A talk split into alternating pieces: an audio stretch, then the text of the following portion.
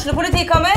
Ine Jansen er purk. Er du purk? The motherfucking bitch. Alt jeg vil, er å finne ut hva som skjedde med mannen min. Jon Carew. Er jeg sikta for noe? Iben Akeli. Det er du. Ole So, Lars Berrum og Big Daddy Karsten. Hvem sin side er du på, egentlig? Anette Hoff, Tone Danielsen, Kommer du fra Afrika?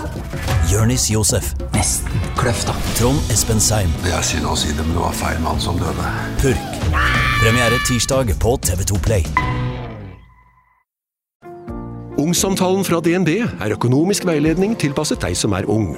Bokk en ungsamtale på dnb.no. slash ung. Det er kjempebra hvis du skal inn på boligmarkedet, hvis det er drømmen din, liksom. Det er det du skulle sagt. Og så kunne du ropt litt mer, da, sånn som jeg gjorde. Bam! Åh.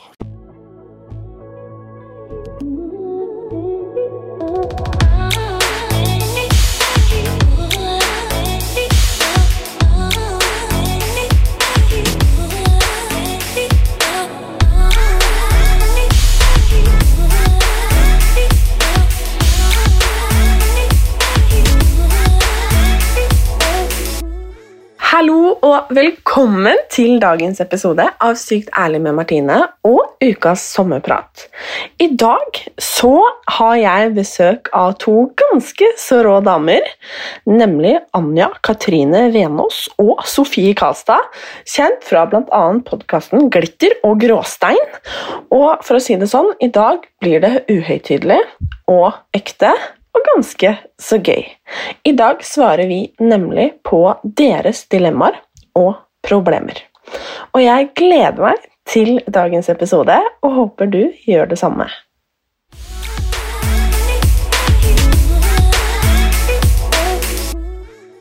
Velkommen til Glitter og gråstein! Eller Anja og Sofie, som vi også heter. Eller Anja og Sofie. Jeg lurer hvem er glitter og hvem er gråstein? Jo, det er, det er, det, det er, eh, fordi egentlig så var jo dette bare liksom livets opp- og nedturer, men uh, det har jo blitt litt sånn at jeg er gråstein og Sofie er glitter. Men det har litt med hva sinnstilstand man er i. Uh, fordi at når jeg møtte Anja, så var hun, da var jo hun festen, og jeg var stein. Uh, og nå har vi endra litt. Litt på. Vi bytter Ja. litt. Men det er jo sånn det er gjennom Ja. livet. Det? Og nå har vi jo hatt Jeg har hatt nedtur, og du hadde opptur, og nå har jeg opptur, og du har nedtur, og det går litt om hverandre, egentlig. Ja, vi bytter på å være Livet. Sånn som det er. Ja. Det her er i hvert fall eh, sommerspesial eh, med dilemmaer ja. om Hva skal jeg si? Alt mulig, egentlig. For dere som lytter, har fått sende inn eh, masse dilemmaer om alt mulig.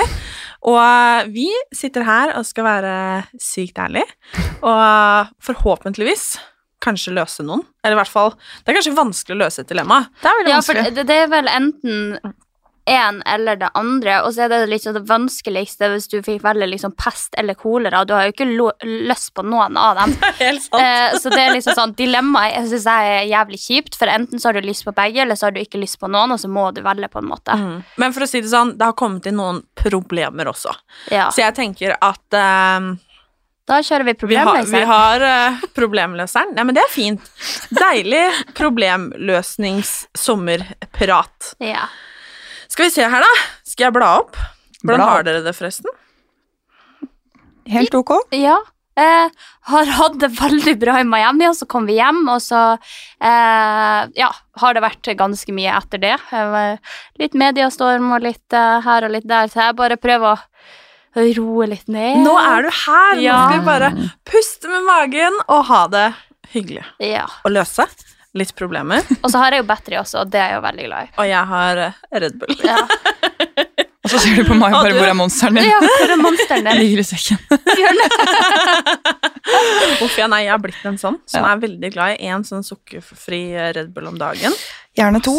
Ja, jeg kjører full sukker eh, mer enn en gang om dagen, og syns det er veldig godt. Ja, jeg syns faktisk Red Bull uten sukker er bedre. Ja, den er bedre enn den med sukker, Mm, men har du smakt den- battery? Det er mange år siden, faktisk. Ja, det syns jeg du skal gjøre. Det hørtes ikke ut som en god plan, for da, da havner jeg på kjøpet. Nei, ok. Are you ready? Yes. Spennende. Da begynner vi med hun som har uh, gifta seg. Og hun har um, gifta seg med det hun mener er drømmeprinsen. Og hun De har vært sammen i åtte år, og hun har forandra seg mye på de åtte årene. Eh, gått opp i vekt, hun har endra farge på håret, og hun sier hun har blitt mye tryggere i seg selv og har det mye bedre selv. Men etter at de gifta seg, så har kjæresten Eller nei, mannen, som man da sier. eh, begynt å hakke mye på henne. Si at eh, Komme med sånne kommentarer at å, kanskje du burde trene litt, eller er du sikker på at du skal spise det der? Og ja, hakke mye på utseendet hennes. Og de har egentlig nettopp gifta seg. Nettopp gifta seg? Mm. Og for noen måneder siden. Fire måneder, eksakt. Og eh, hun lurer på hva hun skal gjøre for å ta tak i det her. For hun har gifta seg med det hun tror er mannen i sitt liv, og så føler hun seg plutselig ikke bra nok for han, fordi at han driver og hakker på henne. Hva søren gjør man da? Jeg har jo egentlig bare opplevd det her i forhold, og da føler jeg det er litt annerledes, fordi når du møter en partner som du også kanskje for så vidt tenker at du skal dele resten av ditt liv med, så er det jo viktig at du føler deg bra i den relasjonen. Eh, og mitt siste møte med en, en sånn type eh, altså oppførsel som hun beskriver her, så gikk jo jeg da fra min kjæreste fordi at jeg fikk veldig dårlig selvtillit, uten at jeg nødvendigvis føler at jeg hadde grunn til å få det. Eh, og det var jo ene og alene på grunn av den her kjæresten jeg hadde, at jeg følte meg usikker og ikke god nok og ikke kunne gjøre ting riktig, alltid fikk kommentarer på at jeg gjorde ting feil, eller at jeg var lat, eller at jeg eh, ikke fikk til ting, og så fikk man kanskje til store ting som de aldri på en måte nevnte, eh, sånn at det ble en veldig sånn negativ sirkel der, der man prøvde å gjøre noe hele tida og følte seg kanskje fin og fresh sjøl, men så får du en liten stikk eller et lite kommentar eh, fra noen du bryr deg veldig mye om, og den stikker jo veldig mye dypere enn en kommentar på f.eks. Instagram. Um, så det er jo litt vanskelig. Jeg tenker jo at uh, man må jo si fra. Uh, I hennes tilfelle, hvis hun tenker at det er mann i sitt liv, uh, så er det jo noe hun er nødt til å snakke med han om. og de er nødt til å bli bedre på. Eh, og hvis ikke, så må man vel søke litt hjelp, eh, fordi ja, jeg tror det er mange relasjoner som ender der, men jeg i mitt tilfelle endte jo min relasjon, men jeg skal jo ikke eh, oppfordre henne til å gjøre det samme. Men det kan jo virkelig gå utover der til slutt hvis du hele tida blir pressa ned og ikke føler deg god nok. Du, jeg fikk jo litt inntrykk av at dette begynte å skje etter at de hadde gifta seg. på en måte. Men var det da for jeg lurer på, var det da etter at hun hadde forandret seg veldig? Eller fordi nå var hun jo mye tryggere i seg selv? Ja, hun skriver at hun er mye tryggere i seg selv, eh, men at dette er en forandring som har skjedd. Altså, De har vært sammen i åtte år, Mm. og vært, eh, hun, man forandrer seg jo mye på åtte år. Hun hadde da farga håret, gått opp i vekt og på en måte fått det mye bedre i seg Mm. selv. Eh, og da, sånn jeg tolker det, siste tiden Jeg vet ikke om det er da før bryllupet eller etter, Eller om- altså det er vanskelig ja. å si, men så har han da begynt å kommentere da, på at hun på en måte ikke er fin nok. Da. Eller det er sånn hun opplever det, i hvert fall. Mm.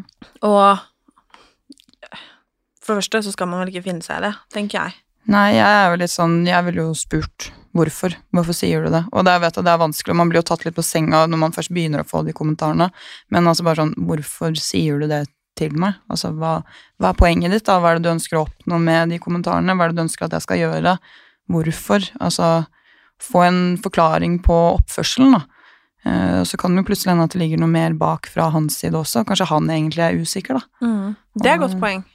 Det syns jeg. Så konklusjonen er vel egentlig å snakke om det. Absolutt. Kommunikasjon løser alt, har vi funnet. det er helt sant. Hvem har du lært det av, Sofie? Nå peker jeg. Jeg er ikke så god på å kommunisere sjøl. Men akkurat på Men jeg har stått i samme, samme sko eh, Kan man si samme sko som henne? Ja, det tror jeg. Ja. eh, sånn at eh, jeg skjønner at det er vanskelig, men jeg tok det opp med en gang og spurte. Men jeg fikk jo ikke noe svar fra min partner da, eh, fordi at den parten var ikke så god på å kommunisere, eller kommuniserte vel i større eller mindre grad ikke i det hele tatt. Eh, sånn at eh, jeg er enig med Anja at man skal spørre hvorfor man sier det, og hva som begynner å grunne i at du sier det. Og så kan du jo også få ubehagelige svar, da. Du, det er jo sånn at da kan du få, få et svar at jeg syns du har gått opp i vekt, eller jeg syns at håret ditt ikke er så fint fordi at du stiller det spørsmålet. Eh, men da er det jo igjen en dialog man kan på en måte ha, og fortelle hvordan man føler seg sjøl når man får de her kommentarene. Og jeg tenker hvis han også eh, føler det samme om henne som han obviously gjør, siden han har gifta seg med henne, eh, så tror jeg at han er mer mottagelig for kritikk. Eh, ja. Bra svar.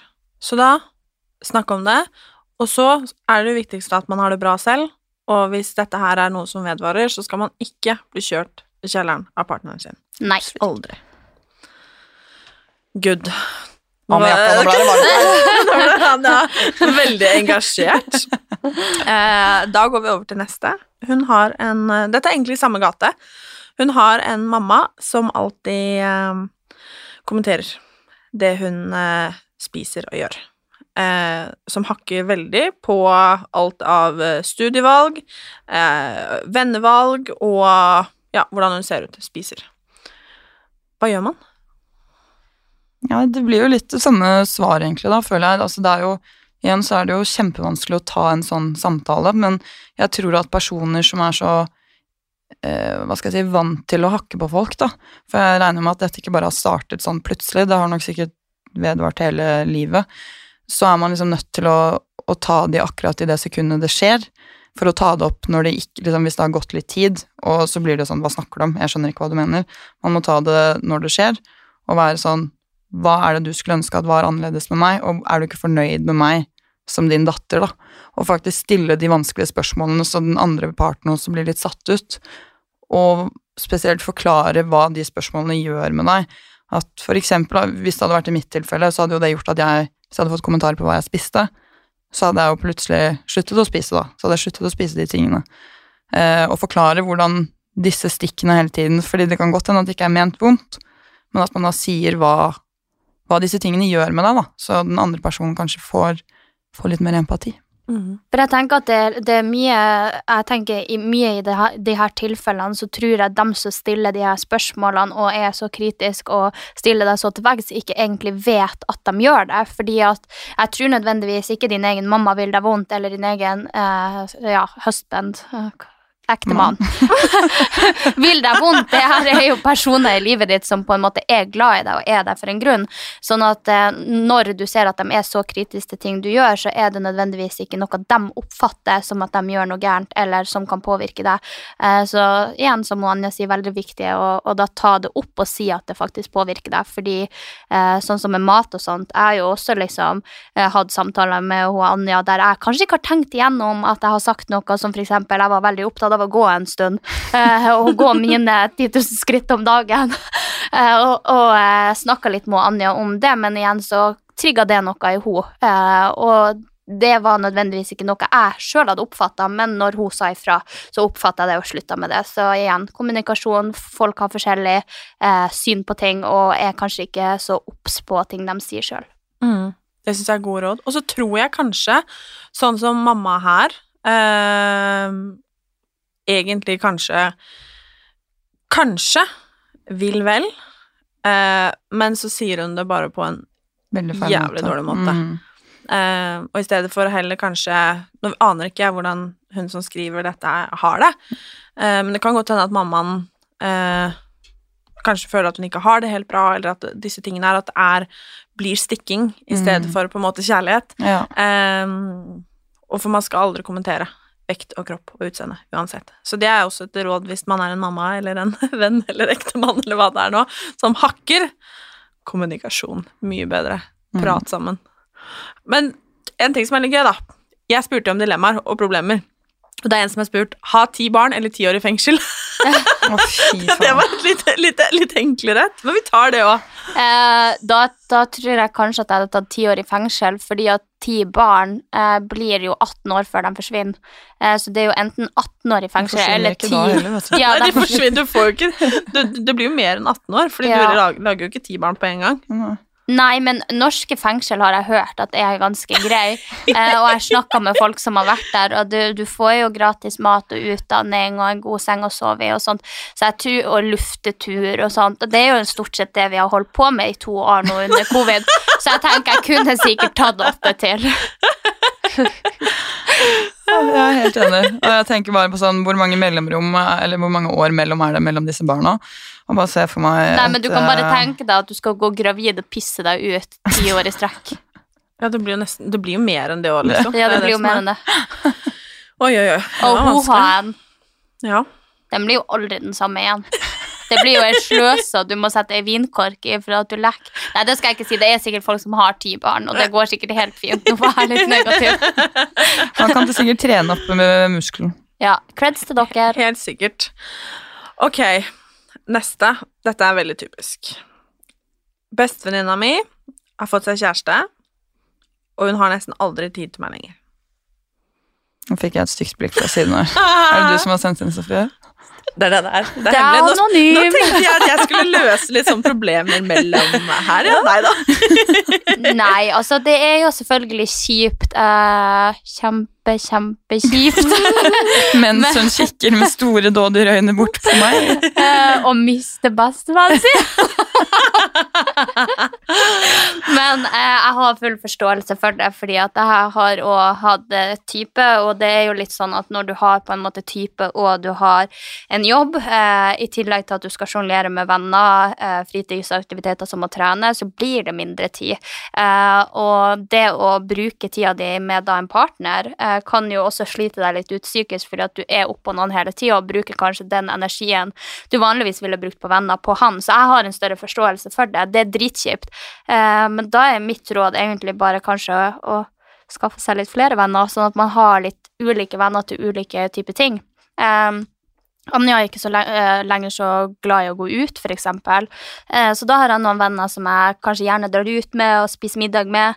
Eh, og så møter jeg og Anja har dype samtaler, at man på en måte har et litt bredt spekter på venner, og at man også er flink da sjøl å bruke tid på sine venner, og ikke bare den ene personen som er i et forhold, eh, og belage seg på at den skal være der for deg hele tida. Mm.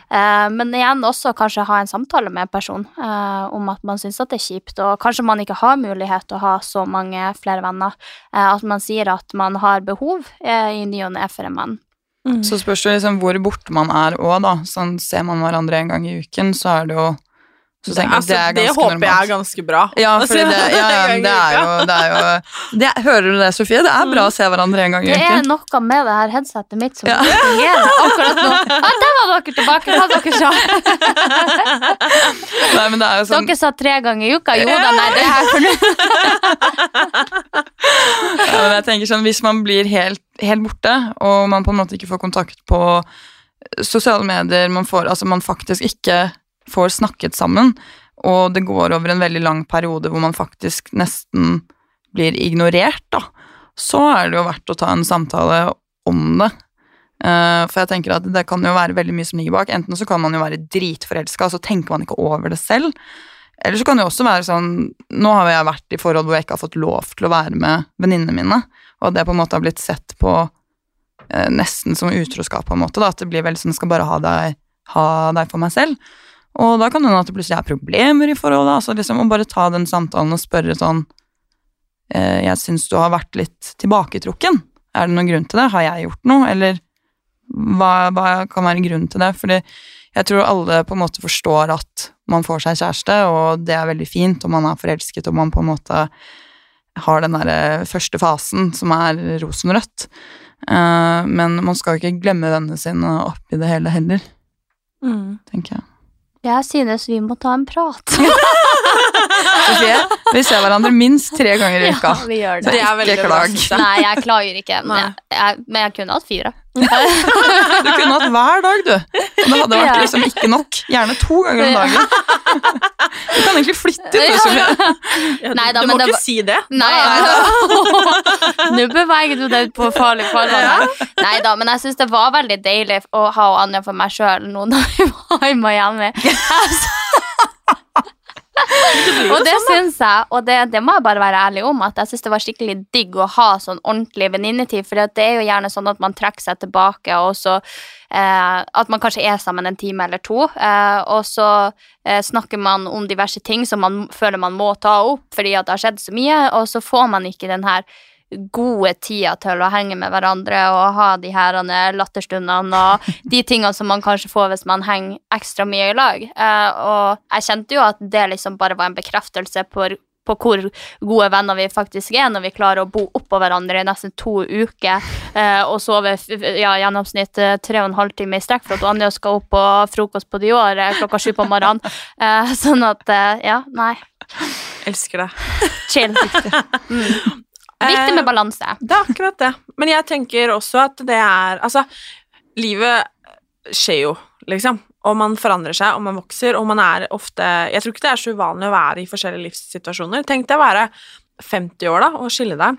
Altså alle liksom Vennene du har, er vennepar, på en måte. Og så står du der plutselig som kanskje den eneste single, da. Og øh, alle andre er opptatt med kids og trening og jobb og øh, selvrealisering og gud vet hva, liksom. Det er øh, ja, Da tror jeg det er viktig, som du sier, å finne noen som man kan På samme bølgelengde. Ja, for selv om det trenger ikke å bety at man er dårligere venner, Nei, men at man kanskje må finne noen som eh, har tid fire ganger i uka, da. For det Mm. Kan jeg aldri tenke meg at man har når man er 50 og har fire Nei. kids, kanskje. Nei, det, der var det jo veldig viktig for meg når jeg jeg ble singel og sto på lavvo på et bord, og så ropte jeg ut Er det noe liv her? og da fikk jeg jo de vennene sant, som var ute etter å feste. Litt sånn forskjellig. Så det, det er sånne ting man kan gjøre. Ja, Neida, veldig bra tips. Ja. Gå med sånn skilt på lavvo. Nei, jeg trenger festvenner. Jo, men det, jeg tror det er mange som har festvenner. ja. Ja. Og jeg tror det er mange, nå skal ikke jeg si noe om dine festvenner, men jeg tror det er veldig mange som har festvenner som er veldig gode på fest, og som er veldig dårlige på alt annet. Mm. Det er der man finner det det har nok nødvendigvis ikke jeg. Tror nok jeg, jeg må ha en connection. Jeg er Ja. veldig sånn eh, Jeg har få venner, men gode venner. Eh, og så har jeg jo selvfølgelig noen jeg har eh, som vi gjør forskjellige ting med, men de fleste har jeg jo en veldig sånn knytta relasjon til, fordi at jeg er en åpen bok og vet at jeg kommer til å fortelle alt om livet mitt, og det vil du jo kanskje ikke gjøre til festvennene dine som du bare er ute med på byen. Um, men ja, ha forskjellige venner til forskjellige ting, og så må man jo også være, være litt sånn konsekvent og huske på at det forholdet man er i, også kan ta slutt, ikke for å være negativ her, eh, men eh, det kan ta slutt, og da er det veldig kjipt å ikke ha prioritert vennene dine kanskje i ett eller to eller tre år, og plutselig være hun som kommer ut og bare sånn Hva skal vi, skal vi finne Mm. på noe? Fordi at da er det på en måte ingen som er der for deg, da. Uh, så det, jeg tenker at det er viktig å både ha en kjæreste, men også ha et vennskapsliv, fordi at du vet aldri når du vil trenge dem, på en måte. Uh, og det er litt fint å kunne være der for dem også når de trenger deg, og ikke bare når du trenger dem. Mm. Ta i. Oh yes, det Ja. tror jeg er viktig. Det er en som eh, har en kjæreste som hun har funnet ut at ser på porno. Og det visste hun ikke. Um, og hun er kjempelei seg. Uh, hun har konfrontert han med det, men han uh, sier at det ikke er noe å være lei seg for. Men hun er kjempelei seg, og that's it. Og hun lurer på what to do. Ja, den der eh, er eh, litt vanskelig, for jeg har også tenkt selv at det på en måte ikke Er det utroskap å se på porno i når det Nei. er et forhold? Nei. jeg, altså, jeg føler at da får du noe du ikke da, da, da er det noe som mangler, føler jo jeg, da. Mm. Jeg skjønner at om man er eh, en måned borte, eller et eller annet, så er det sånn, eller noe dukker opp, så ok, greit. Men jeg syns det er å skulle se på andre og ville det når du er sammen med noen andre, syns jeg på en måte er Da må det være en grunn til det. Hvis jeg hadde vært hvis jeg hadde vært på jobb, og kjæresten min hadde liksom sett på porno og runket, så hadde jeg vært litt sånn, og jeg visste jeg skulle komme hjem på kvelden, så føler jeg at da er det noe som på en måte ikke er bra nok med meg, da. Mm. Uh, Det er vel det hun føler, ja, jeg tro. ja, og da altså sånn Og jeg vet at jeg har altså tatt denne samtalen med folk før, og jeg vet at veldig mange har vanskeligheter for å forstå det, men i utgangspunktet så tror jeg det, det bunner og grunner i en usikkerhet i seg selv, da, at partneren på en måte ikke i herm, Altså at man blir såret over det, da.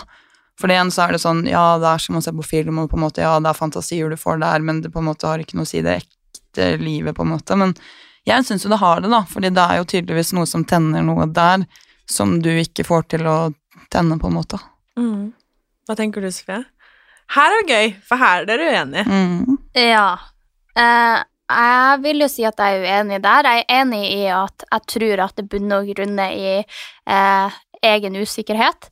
Eh, fordi at det å se på noen på, eh, på en sånn måte som eksempel porno, da eh, jeg har jo sjøl sett på porno, og jeg knytter ikke noe opp til karakterene jeg ser der. Ikke gutten, ikke jenta, ikke stillingen, ikke type sex, men, men det er jo også en tilfredsstillelse med tilfredsstillelse med fetisj og hva du tenker oppi hodet, men det er kanskje nødvendigvis ikke ting du har lyst til å gjøre sjøl, eh, men kanskje som du blir tent av å på en måte se på da, eller ja, jeg vet ikke. Eh, sånn at jeg, jeg tror aldri jeg har hatt et problem med at mine partnere ser på porno. Eh, og jeg har Men hadde du ikke blitt lei deg hvis partneren din gjorde det framfor å være med deg?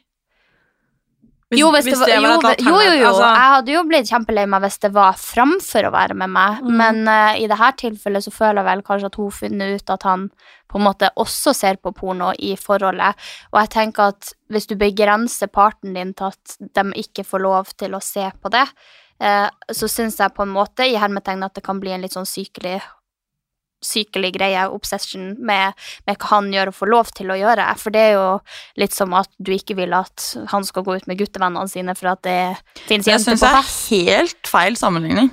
Ja, jeg, jeg, jeg syns det blir, for da begrenser du en part på grunn En ting er å av noe begrense du noen syns. som liksom skal ut på byen med altså det, gjør, det er jo venner, men å sitte og se på liksom porno, da tenker jeg sånn, da må man jo heller være åpen om de fetisjene man har, og snakke om sex, og liksom sånn, shit, ja, kanskje man skal prøve dette, Oi, nei, dette liker jeg, skal vi se på porno sammen? Altså liksom, å få den samtalen rundt sex, da, så kanskje den andre parten forstår, eller så kan han jo forklare hvorfor han ser på porno, altså hva, hvorfor har han det behovet? Er det noe der som på en måte Hva er det som tenner Altså liksom ta den praten, da. Fordi jeg føler veldig ofte at porno er på en måte veldig Altså det er et veldig dårlig kvinnesyn i porno. Uh, Og det er jeg enig i, men, men det er jo helt uh, opp til hvilken porno man oppsøker også. absolutt det aller meste av porno uh, som de aller fleste menn ser på, også sikkert kvinner, er jo kvinneundertrykkende. Det er jo ikke for at kvinnen skal digg, og det kan, det kan være tennende for begge parter å se på dette her, men jeg bare mener at da må man reflektere rundt tankene sine og følelsene man har rundt porno, hvorfor man ser på porno, og kanskje snakke med, eh, med kjæresten sin om det. Man, fordi noen, sånn som du syns jo ikke det er et problem, men hvis kjæresten min hadde liksom tent på eh, mens han er i et forhold med meg, og har syke gangbangs og spytte og liksom eh, mate noen med kattemat, altså skjønner du hva jeg mener, at det er den type porn. så er det jo litt sånn Hvem er du egentlig, og hvorfor, hva, hvorfor tenner du på dette her? Er det noe jeg skulle gjort? Ville du matet meg med sånn, skal jeg ta den opp i rumpa? Altså, skjønner du hva jeg mener? Ja, er der, sånn men der er jeg igjen uenig, fordi at, uh, fordi at jeg sjøl, de tingene jeg ser på, er nødvendigvis ikke ting jeg har lyst til å snakke om med noen. Det er min private. Og jeg tenker at selv om du er i et forhold, så skal du få lov å ha ditt privatliv, og så lenge det ikke skader noen. Det her er jo noe Men det skader jo ved å gjøre personen lei seg. Ja, men hvis, hvis, du, hvis du ser på noe hvis, hvis du ser på noe alene Det er sikkert ting du søker opp på nett, eh, f.eks. på Google eller et eller annet, nå, nå bare tar jeg, som du ikke vil at partneren din skal vite. Og jeg tenker, hvis du ikke da vet at partneren din eh, for eksempel, ja, La oss si at eh, partner Eller at jeg så på uh, en dame som blir dobbeltpenetrert. Det betyr jo ikke at jeg nødvendigvis vil at partneren min og en annen uh, skal ligge med meg, men det kan jo være noe som tenner meg i det sekundet jeg er kåt på en måte, og eh, la oss si at du er på jobb eller noen andre plass, men da tenker jeg at da skal jo jeg få lov til å tilfredsstille meg sjøl eh, og ha den tanken, og det, det skal nødvendigvis ikke gå utover den parten jeg er sammen med på noen som helst måte. Eh, jeg er veldig uenig, eh, og jeg skjønner at man har forskjellig syn på det, men jeg tenker at eh, som dere sier, da, det bunner og grunner i egen usikkerhet, at man føler at man ikke er nok, og at man føler at partneren kanskje har noe annet han tenner på, men jeg er uenig fordi at jeg sjøl har ting som jeg tenker på som sexy, som jeg ikke vil snakke med noen andre om, eller som jeg ikke vil eh, utforske i mitt eget forhold. Eh, så om jeg ser det på mobilen eh, 15 minutter, og, og den tankegangen er helt over når på en måte man har hatt sin orgasme. Eh, jeg vet ikke om dere har hatt det før at dere har tent på noe, og så har dere fått orgasmen, og så etterpå eh, så er dere litt sånn Åh, æsj, hva er det jeg egentlig tenkte på, eller, eller liksom Så, så nei, jeg, jeg, der er jeg litt uenig. Jeg tenker at uh, mennesker har et lyst og et begjær, og uh, så lenge du er trofast mot partneren din og på en måte også har sex med den Nå, nå snakker ikke jeg om mitt tilfelle der du Mm. uh, på en måte ser på porno liksom. i stedet for å være med partneren din, men hvis det er noe du gjør bare for deg sjøl og har et bra sexliv med din partner og er flink på å komplimentere henne, så tenker jeg at det ikke skal være et problem. Men det er min mening. Så hva burde hun gjøre? Jeg tenker at man må ta det opp, da. Det er jo det samme svaret som nesten alt har, men fordi hvis, man, altså hvis jeg hadde gått på mobilen til kjæresten min og funnet helt syk porno, da, som du sier, ikke sant? og så plutselig så er det sånn at han bare Oi, hva faen er det jeg har sett på? Så er det litt den derre Det er ekkelt. Altså, jeg kjenner den følelsen at det er ekkelt å se sånn Så ser du plutselig et klipp av det sjuke greiene han har sett på, da, og det er sånn jeg, jeg blir liksom fysisk uvel av å tenke på det, og det er liksom noe man må ta opp. I et forhold så skal man respektere hverandre, og jeg tenker at sånn Forstår ikke han det da, så, så er ikke det typen i livet ditt, altså. Fordi man skal respektere hverandre og sine syn, og så kan man møtes et sted på midten, men på noen ting så må man jo se hva som er viktigst for deg, og er det viktig og såpass sårende, så tenker jeg sånn Da må din partner respektere at du ikke syns det er jævlig fett at han driver og ser på porno samtidig som du liksom er tilgjengelig, Men da. kan man komme til en løsning? Fordi ehm, Nei, for her er det jo et dilemma. Enten så er det jo liksom Ja, jeg syns absolutt, som Anja sier, at du skal ta det opp med partneren din hvis det plager deg. Det skal du med alle problemer ha, den kommunikasjonen. Men i dette tilfellet, hvis det stilles til veggs, så er det jo enten han som må slutte å se på porno, noe som han liker, eh, eller at hun får på en måte da i hermetegn viljen sin, som er viktig for henne, at han slutter å se på det. Men da har du jo også på en måte Ukas annonsør er Asan, min daglige intimmask. Jeg er oppvokst med Asan intimsåpe i dusjen hjemme hos mamma og pappa, og det ble også en vane jeg tok med meg da jeg flyttet ut hjemmefra. Med andre ord så har Asan fulgt meg så lenge jeg kan huske. Gjennom ulike faser, perioder, oppturer og nedturer. Og vet du hva? Nå har Asan blitt nyere og bedre. Med et oppdatert utseende, ny logo og bedre formulering som er ekstra mykgjørende. Den inneholder naturlig melkesyre for å bidra til å opprettholde den naturlige pH-balansen i intimområdet vårt. For visste du at sterk parfymerte såper kan forstyrre pH-balansen i underlivet? Intimsåpene fra Asan har en kremet konsistens som gir en behagelig følelse etter vask, og de har intimprodukter for å passe alle og enhver for at du skal kunne ta vare på balansen. som jeg er veldig imot i et forhold, eh, begrenser noen til å gjøre noe. Og ja, jeg syns at i visse ting så skal du jo selvfølgelig gjøre det. Du skal jo ikke la typen din gå og ligge med noen andre, eller kysse med noen andre, eller flørte med noen andre, men i det her eh, på en måte Men syns du ikke at kjæresten din, når den er såpass glad i deg, skal respektere dine følelser og faktisk ville slutte med det fordi du føler det sånn som du gjør? Jo, men jeg tror at jeg hadde følt meg veldig overkjørt og eh, på en du- måte tvunget hvis, no, hvis noen tok opp noe Og og selvfølgelig hvis det har noe med forhold å gjøre som er viktig, som for eksempel eh, ja, jeg vet, jeg vet, jeg klarer ikke å komme på et eksempel, men hvis det er noe fysisk som går utover forholdet vårt, så syns jeg absolutt at man skal gjøre det.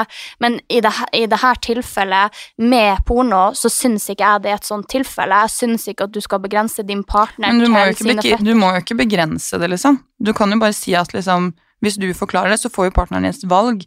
Du trenger Så han han å- skal velge mellom deg og porno? Nei, ja, men han får jo altså Enten så er det sånn Så forstår han hva du mener, og tenker at ok, men jeg kan kutte ut på det, jeg kan prøve uten, liksom sånn, fordi man faktisk bryr seg. Altså Hvis kjæresten min hadde kommet til meg og vært sånn Jeg blir veldig såret av at du gjør det her, så er jeg såpass glad i han at sånn Ok, selv om jeg kanskje liker å gjøre de tingene, så velger jo jeg det bort for at han skal ha det bra.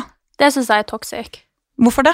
Jo, fordi da, da, altså, da er det jo på en måte sånn at Ja, da kan typen din si til deg Jeg liker ikke at uh, du drar på ferie. Jeg liker ikke Ja, at du drar, drar ut med gutta. Jeg liker ikke at du eh, Jeg liker ikke, at du, ser jeg liker ikke at du hakker på meg. Det er jo akkurat det samme. Ja, ja, men sånn Nja, jeg syns ikke det. Det er jo nyanser av hva slags liksom, sånn ting som sårer, og hva som er greier. Det er jo en, liksom, du, må, du kommer jo et godt stykke på vei før du liksom tråkker over den linja at nå blir du kontrollerende. Du kan ikke gå inne med alt du føler hele tiden fordi du er redd for å begrense partneren din. Du må jo få lov til å si fra, så får partneren ta et valg. Jeg sier ikke at man skal slå opp hvis han liksom fortsetter å velge å se på porno, så må du ta et valg selv. Skal jeg fortsette å bli liksom irritert over det der? Hvor ille syns jeg faktisk det er? Og så må du reflektere inni deg selv hvis han velger å gjøre det. Og så må dere liksom ha denne sunne samtalen om liksom hvor viktig er det for han å se på porno? Hvor skadelig er det for deg at han gjør det? Altså Begge to må liksom gå inn i seg selv og reflektere og liksom hva er det som er viktig i livet, da, tenker jeg. Så man faktisk finner ut av det. Det handler ikke om hvem som skal begrense hvem, eller sette regler.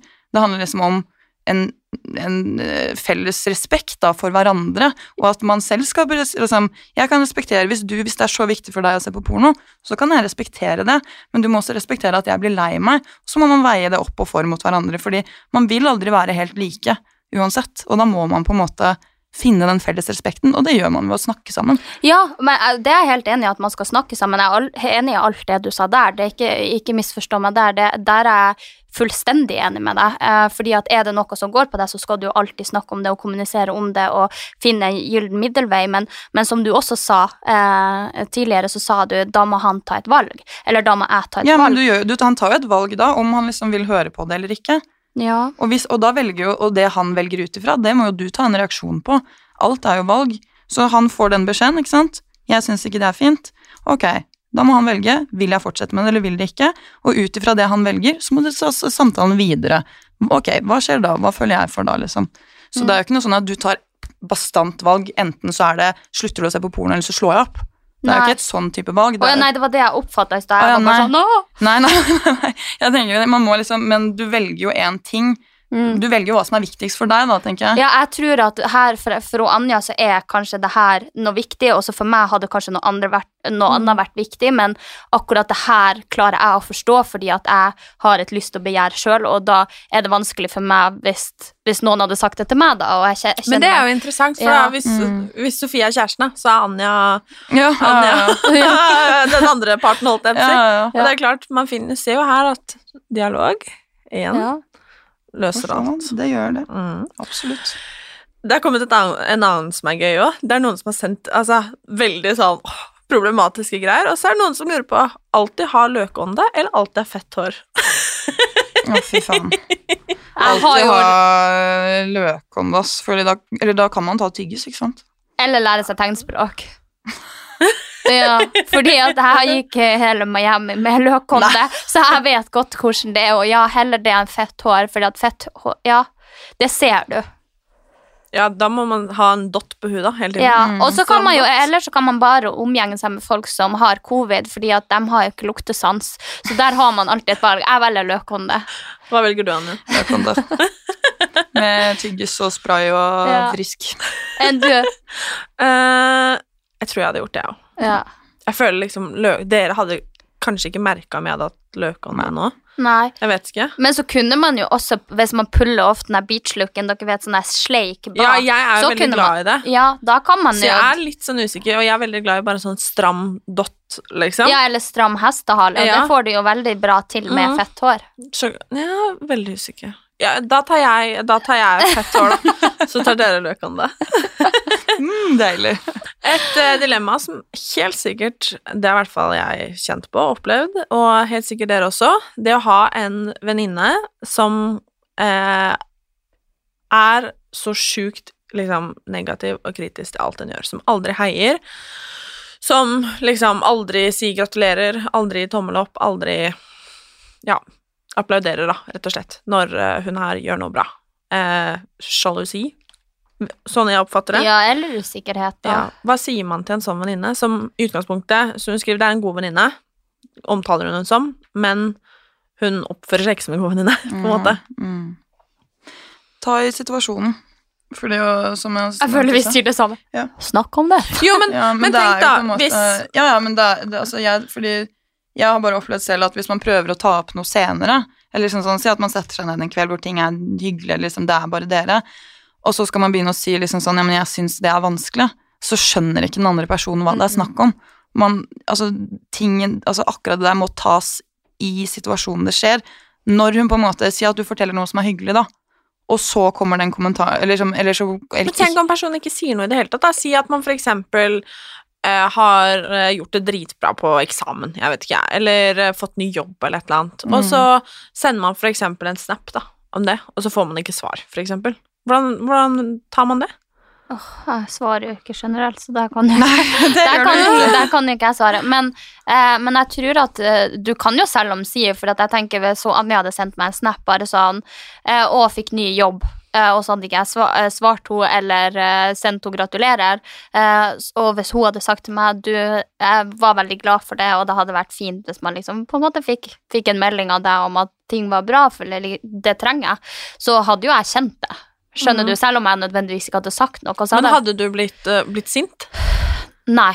Nei. Nei, ikke for det, nei. Nei, det hadde jeg ikke blitt sint for. Men det er jo spørs, altså, hvis hun føler seg veldig truffet og føler seg angrepet, så er det jo lett å bli sur. Men hvis man tar det på en fin måte, som for eksempel, la oss si at jeg sender melding til Anja, ja, jeg synes det var liksom så stort med de her nyhetene og sånt, men jeg synes det var litt kjipt at du på en måte ikke ga meg noe feedback på det, da, i og med at du er en så viktig person i livet mitt, eh, så forteller man jo på en måte, da river man jo bare opp brøstet og forteller rett fra hjertet at man Mm. synes at ting er kjipt.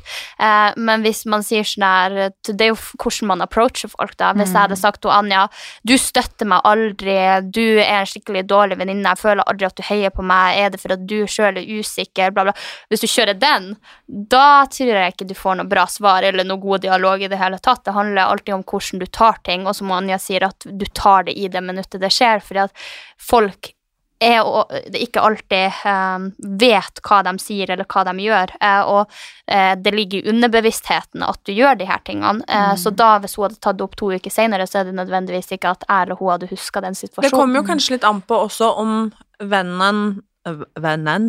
Vennen gjør det bevisst for å på en måte ikke gi sin gode venn en oppmerksomhet for det, eller om det faktisk man bare jeg, jeg tror, hadde mye i stunden, eller man rett og slett bare ikke Ja, var der, Men da liksom. tror jeg du merker liksom på hvor lenge det, det holder på. Om liksom Mm. sånn, om du altså sånn, jeg vet jo at for eksempel at Sofie er Hun svarer ikke alltid, og hun har ikke telefonen og liksom sånn her, kan være litt fjern. Og det er sånn, da, da kjenner man jo venninnen sin. Jeg vet jo at du heier på meg for det, på en måte. Ja, Men, Det gjør jeg. men hvis du, vet, du får de blikkene, sånn liksom sånn, si at du forteller om noe, så, og du merker liksom den toxic liksom sånn at det liksom, Eller du får de stikkene som er litt sånn der, ja, men det er jo ikke så Så går det jo også Så du føler liksom forskjellen på den derre og, liksom, og det går jo an å spørre også liksom sånn, om man har vært opptatt, for det har man jo full forståelse for, men jeg føler man får den magefølelsen da, Man får, Og- den, den, den kjenner man på om liksom det er faktisk eh, for å være slem, eller om det er eh, for, eller fordi man er surrete. Men jeg, jeg tror også at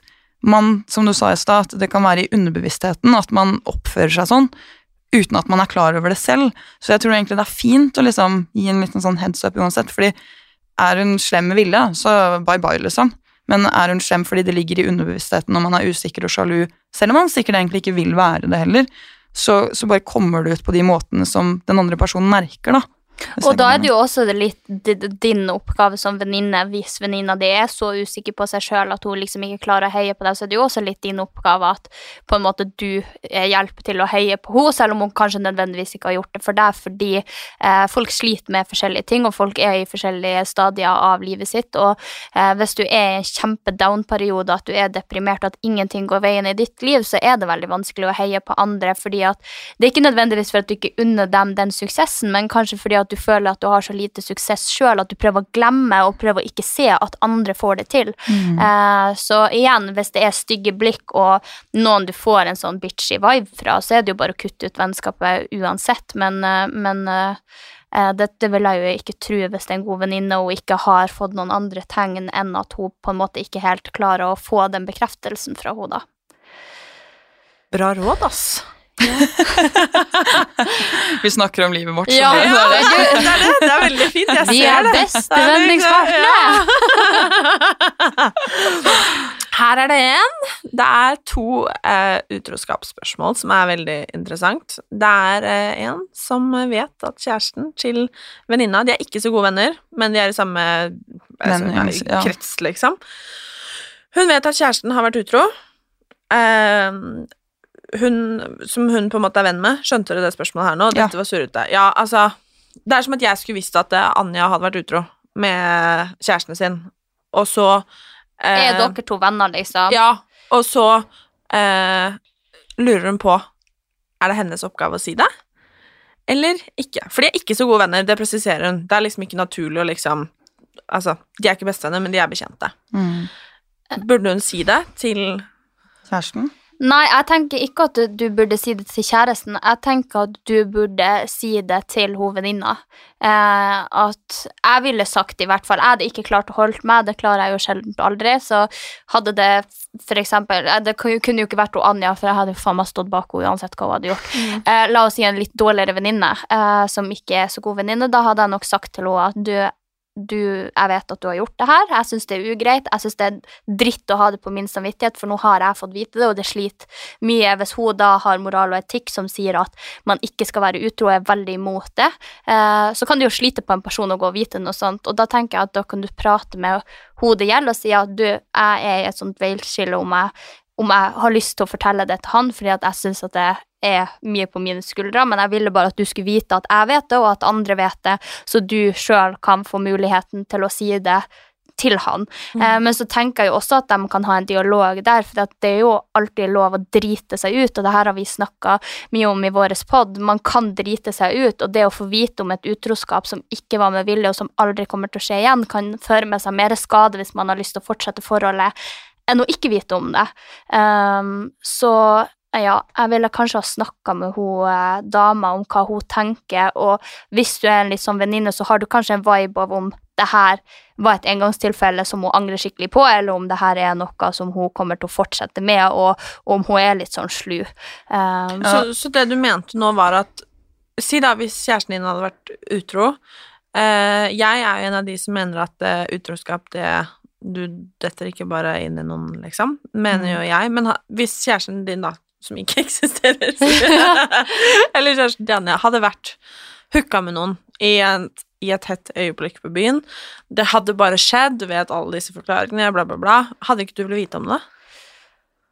Det Fordi måte- at jeg er offentlig person, så er sannsynligheten veldig liten for at folk ikke ville ha brukt det mot meg. Men hvis jeg hadde vært eh, Sofie for åtte år siden, og kjæresten min hadde gjort en feil og vært drita full på byen og drete seg ut og angra og ikke hadde gjort det igjen, eh, og at vennene hans som visste at han hadde hooka, hadde sittet og sagt du vet du hva, det her angrer jeg på, fy faen, jeg har vært dum, eh, jeg angrer så sjukt på det her, jeg vil aldri gjøre det igjen, da hadde ikke jeg ville visst det. Eh, Jeg ville visst det. Ville du visst det? Jeg ville visst det. Jeg ville også visst det. Jeg, for jeg jeg syns at det hadde vært eh, å, å bli lurt på den måten, syns jeg er så jævlig urettferdig. At Mm. jeg tenker sånn Da vil jeg heller vite det, og så kan det være opp til meg om jeg har lyst til å fortsette forholdet der eller ikke. Selv om det er en fuck-up fra hans side, så er det sånn Da vil jeg vite det. Fordi da vil jeg høre hans forklaring, jeg vil høre hvorfor. Og hvis ikke, så føler jeg at resten av forholdet er basert på en løgn. Ja, det kan jo Ja, å, Ja, det der syns jeg- jeg er vanskelig Ja. Jeg tenker jo litt der at uh, det hadde vært veldig vondt at alle andre visste, på en måte. Mm. Ja, det er jo akkurat den Og jeg at uh, eh, det liksom ehm, Nei, jeg vet ikke. Jeg personlig ville visst det. Ok, kanskje jeg også ville ha visst det. Jeg vet ikke. Nei, men jeg tenker Det hadde jo vært veldig vondt om liksom det var en greie. Ja, Og så tror jeg alltid at ting kommer for en dag. Ja, det er jo akkurat det. Og det er klart eh, Det hadde kanskje vært bedre å vite det dagen etterpå og kunne flydd i flint enn å få vite det to år etterpå, liksom. Og, Men, men, men der igjen så er det jo også, handler det jo også om om partneren din sier det til deg med en gang. For nå har jo hun her venninna da som har vært utro, ikke sagt det til kjæresten. Mm. Eh, og da er du jo uærlig på en måte allerede. Sånn at det, det mitt optimale, eh, hvis nå Ikke optimalt uansett å være utro, men det hvis gutten hadde kommet og lagt seg i fanget mitt og grått dagen etterpå, og oppriktig jeg hadde sett at han hadde vært jævlig lei seg og syntes at det var skikkelig kjipt, fordi da hadde jeg på en måte kjent at ja, men hvis han fucker opp, så kommer han og sier det til meg uansett, og da trenger jeg på en måte ikke å være usikker når han er på byen, Mm. fordi at da vet jeg at hadde han fucka opp igjen, så hadde han kommet og sagt det til Men meg. så spørs det hva det er. ja. Fordi hadde det vært ligging, no go, ass. Fordi Nei, det er det hadde ser, ikke jeg heller klart. Du, du faller ikke inn i noen, ass. Det, der er det så mange ting som liksom kan stoppe det. Er det et lite nuss liksom, som har bare plutselig skjedd, så er det litt sånn Ja, ok, jeg skjønner at du liksom gjorde Altså For det er neste spørsmål. Ok. Så vi, vi liksom, nå slider vi over inn i det andre. Ja, ok, men, men jeg vil bare presisere. Ok, jeg ville kanskje visst det.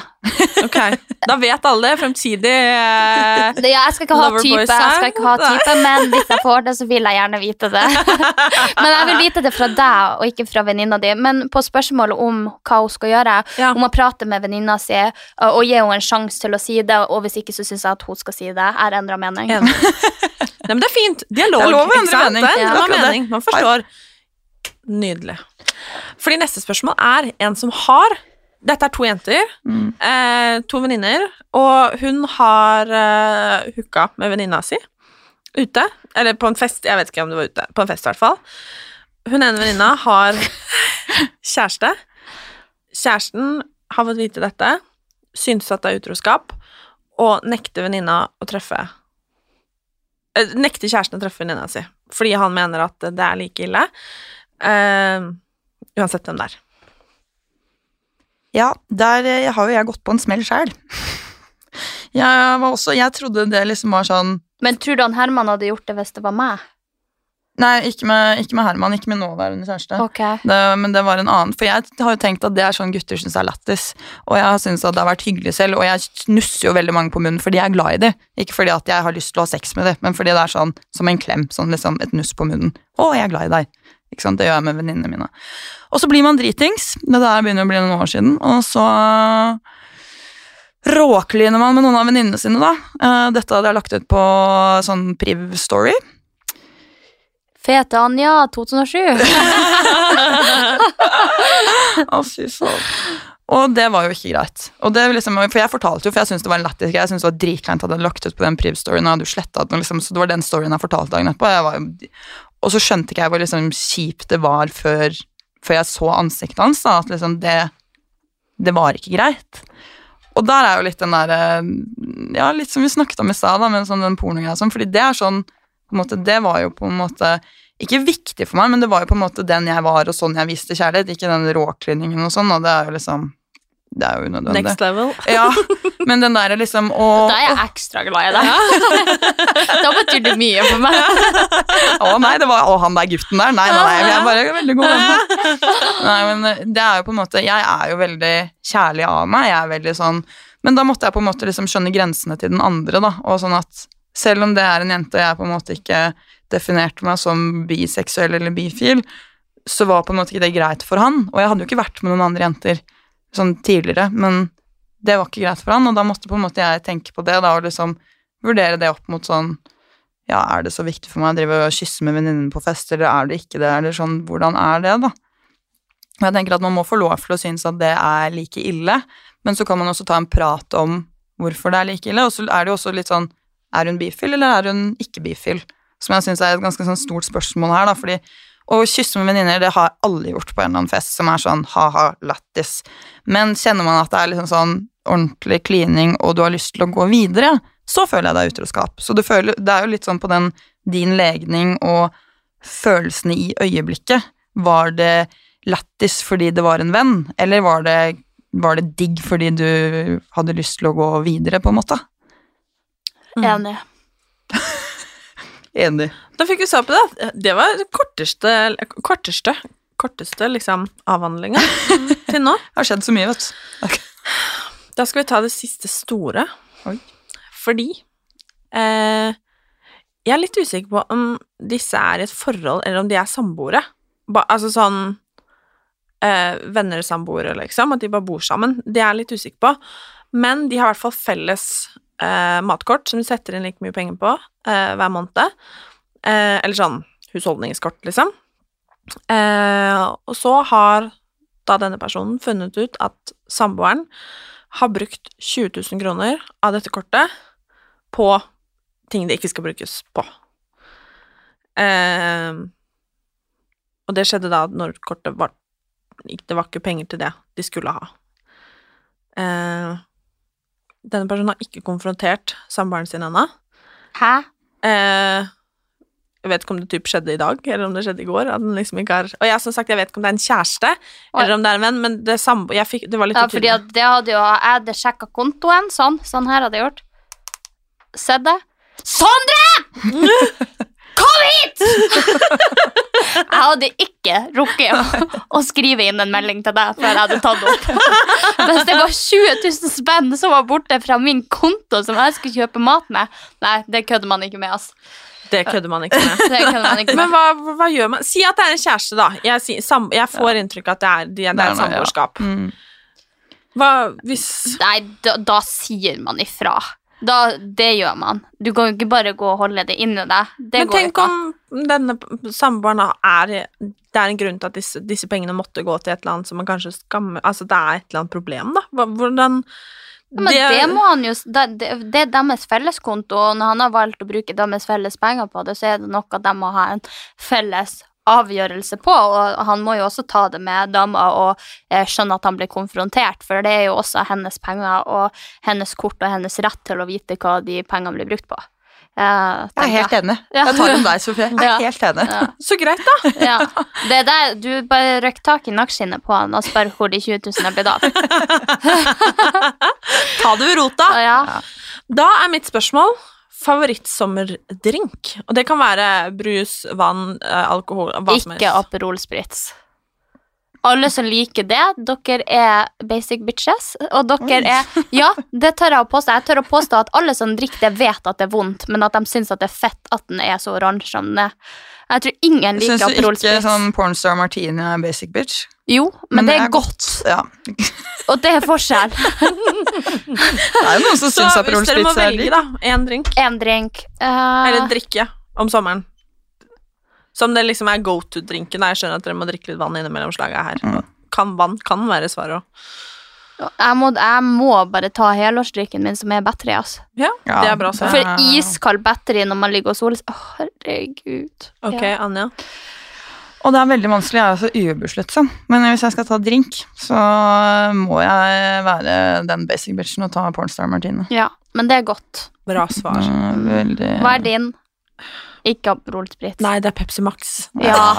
ja, men du, der følte jeg Da tok vi alle tre Ja. som jeg er glad i. Jeg er glad i Ponsta Martini og, og eh, Pepsi Max og Battery, og det er det jeg drikker på sommeren. Ja, men da har vi det, da. Har vi komplett. Neste.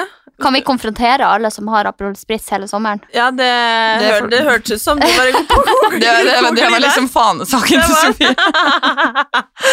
ok, neste. Hvis dere må gå med ett antrekk, liksom, eller hva er liksom go to-antrekket på sommeren?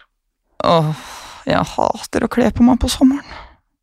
Ja, for jeg syns det er litt fett med lag på lag, og, og det kan man ikke på sommeren. Nei, du går jo helst naken. Ja, jeg gjør jo det. Ja. Sofie går naken, Anja går i Eh, jeg, jeg aner ikke, ass. Det er, eh, jeg liker ikke å kle på meg og være ute. Jeg hater jo sommeren. Eller ja, jeg, jeg, Ja da, hun er spesiell. jeg syns det er varmt, og jeg blir svett, og jeg syns det er helt grusomt. Med mindre jeg ligger ved et hav i Syden, Fordi da kan jeg ligge i bikini, og jeg kan ligge og plaske ut i vannet hele tiden. Og da blir jeg avkjølt. Men å gå Jeg frem og tilbake jeg lå liksom på stranda og kosa meg og leste litt på mobilen og drakk litt, og hun der badenymfa der lå liksom og fløyt ut i havet. Jeg blir så varm, og, klar, og så klarer jeg ikke å ligge stille. Og hvis jeg begynner å gå, så begynner jeg å svette. Så det er liksom Det er, Det er et styr å ha opp på sommeren. som- er, Livets problemer, det er det alle andre vil ha. At man blir liksom Ja. bare svett og Vår og høst er liksom min favorittgreie, men uh, nei, det blir vel uh, Hva faen? Og jeg liker, jeg liker ikke å gå i shorts heller. Da blir det bikini, da. Nei, men Nei, jeg det, liker ikke det liker du ikke. Jeg liker Da går vi nakne, da. Da Jeg hater i hvert fall å gå naken! Eh, det Treningstøy, da. Ja, treningstøy er fint. Ja. Treningstøy er flott. Det Da er tar vi den.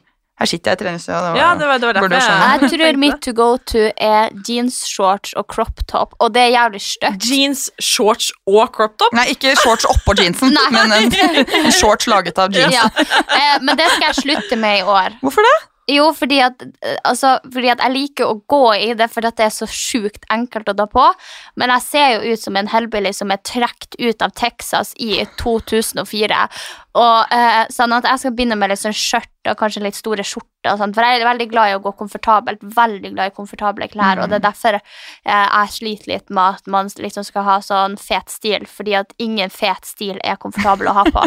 Eh, ja, Ok, preach. drømmedestinasjon. Maldivene.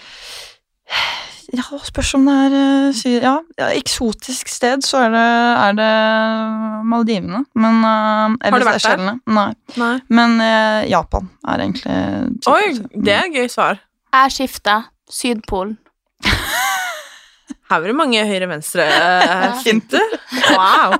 Ja, fordi at dit fær ikke så mange, og jeg er jo opptatt av å være på plasser som ikke folk har vært på. Sydpolen tror ikke jeg noen Noen har vært Eller det er veldig få, veldig få. Jeg tror det går én båt dit i året. Hæ? Ja, Går det tror- båt ja, dit? Mm. Jeg har lyst til å se, fordi Det jeg har lyst til å gjøre i Sydpolen, er å se pingviner trappe rundt på de her isflakene når sola går opp eller ned, og at det er sånn oransje på himmelen. Det tror jeg hadde vært sjukt kos. Jævlig kaldt, i hvert fall. Ja, Kaldt, ja. Da kan du ikke gå i uh, Crop top. Det er sikkert og visst. Ja. Men uh, sykt hyggelig. ja. Dette her syns jeg var veldig stas. Det er eh, Det frister til gjentagelse. Absolutt. Men du kan jo skifte podnavn fra eh, Sykt ærlig til Sykt hyggelig. Ja. Men det var sykt hyggelig. Ja. Det er, det er mye alvor i den podden her, så det er hyggelig med litt eh, det, var det er jo alvor for de som har sendt inn ting her. Det er jo åpenbart problemer og dilemmaer, men det har vi alle, og det er fint å prate om det. Og det hender jo at det er fint å få liksom, en tredjepart sitt syns, det, synspunkt på ting. Mm. Og det er jo ikke meningen å på en måte bagatellisere ting heller, fordi det høres jo veldig enkelt ut når vi skal sitte og svare, men det man må huske på er at det er jo sinnssykt vanskelig når man står i situasjonen, kontra når man får høre den når man skal snakke om den.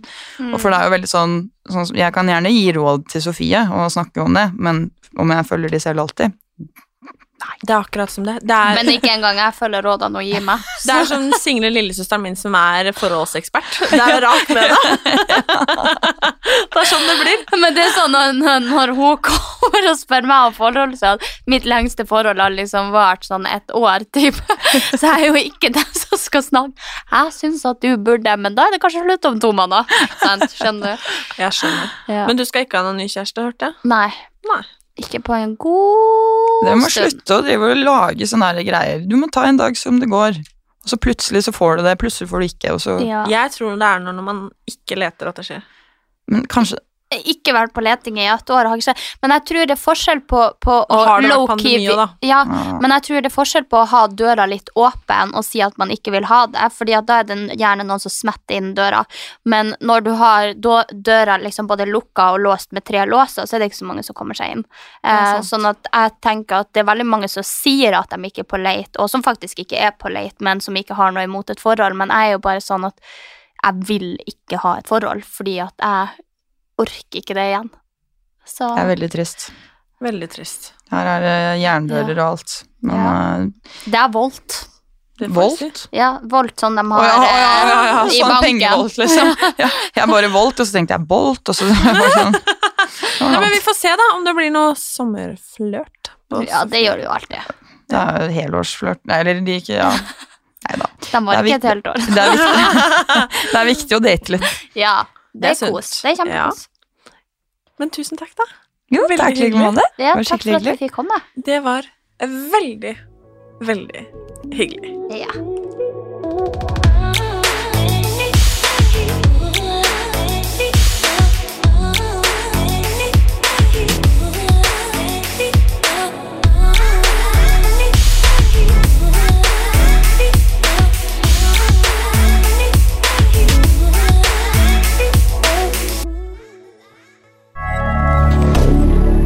Moderne media.